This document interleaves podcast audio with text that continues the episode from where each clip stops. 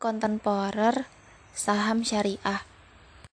Yang pertama, praktik lapangan produk bisnis dan transaksi.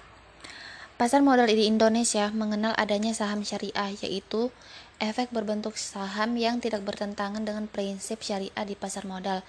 Menurut laporan keuangan kuartal 3 dari masing-masing emiten tersebut, saham ASII dikeluarkan dari DES karena utang berbasis bunga dibandingkan total asetnya melebihi 45%, sama halnya dengan BSDE dan JSMR.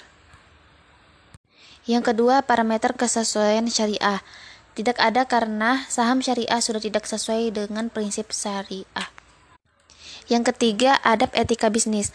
Sudah melanggar adab dalam etika bisnis karena melanggar salah satu kriteria perusahaan yang dimuat ke dalam daftar efek syariah, yaitu kriteria pertama, ialah kriteria kegiatan usaha dari perusahaan. Dalam kriteria kegiatan usaha, perusahaan dilarang melakukan kegiatan usaha yang dianggap merusak moral dan bertentangan dengan prinsip syariah di pasar modal.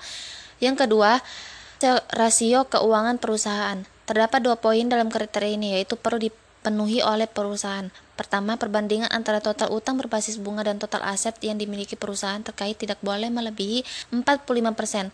Kedua, perbandingan antara total pendapatan tidak halal tidak boleh melebihi 10% dari total pendapatan usaha atau revenue dalam pendapatan lain-lain.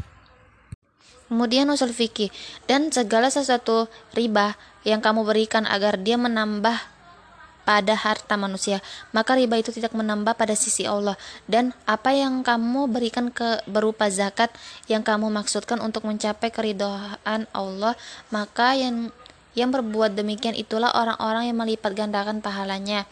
Quran surah Al-Rum Ar-Rum ayat 39. Kemudian kaidah fikihnya menghindarkan mufsadat yang didahulukan atas mendatangkan maslahat. Pada dasarnya semua bentuk muamalah dibolehkan kecuali ada dalil yang mengharamkannya. Kemudian makosid syariah.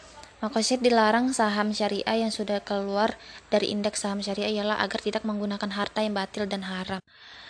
Kemudian akad-akad fikih. Yang pertama, saham syariah berbasis akad musyarakah obligasi syariah berbasis ijarah dan mudarobah, dan reksadana syariah berbasis akad mudarobah. Konsep fikih muamalah Konsep syariah Konsep saham syariah jika sudah keluar dari indeks saham syariah ialah berarti sudah tidak terdaftar dalam DES adalah panduan bagi pelaku pasar dan memilih saham yang memenuhi prinsip syariah. Kemudian fatwa DSN MUI. Dewan Syariah Nasional Majelis Ulama Indonesia atau DSN MUI telah mengeluarkan fatwa mengenai hal ini. Dalam fatwa nomor 80 garing DSN MUI garing 3 garing 2011 disebutkan bahwa investasi saham dianggap sesuai syariah apabila hanya melakukan jual beli saham syariah. Kemudian fatwa standar syariah AAOIV. Sebagaimana standar syariah internasional AAOIV nomor 21 tentang saham, pendapatan non, pendapatan non halal tidak boleh dimanfaatkan untuk kegiatan apa pun, walaupun dengan cara hilah.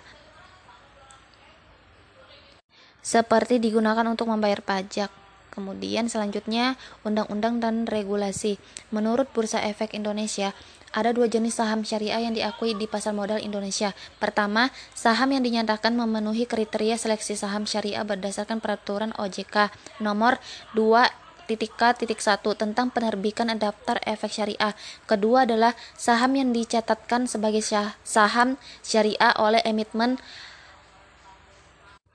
oleh oleh emiten atau perusahaan publik syariah berdasarkan peraturan OJK nomor 17 garing PJO POJK titik 04 garing 2015 Jurnal Nasional dan Internasional.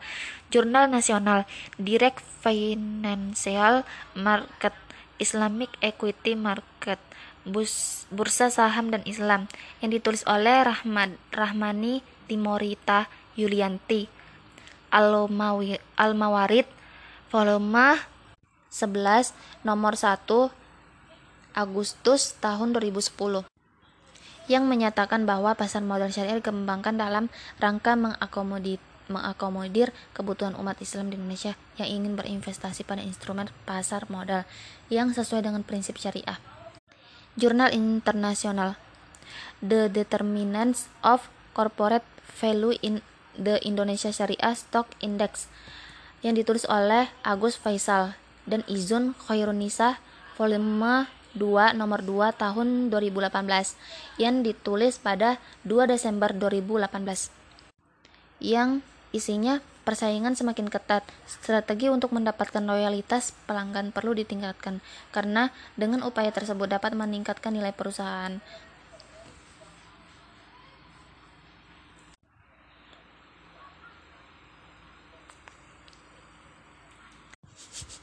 Terjebak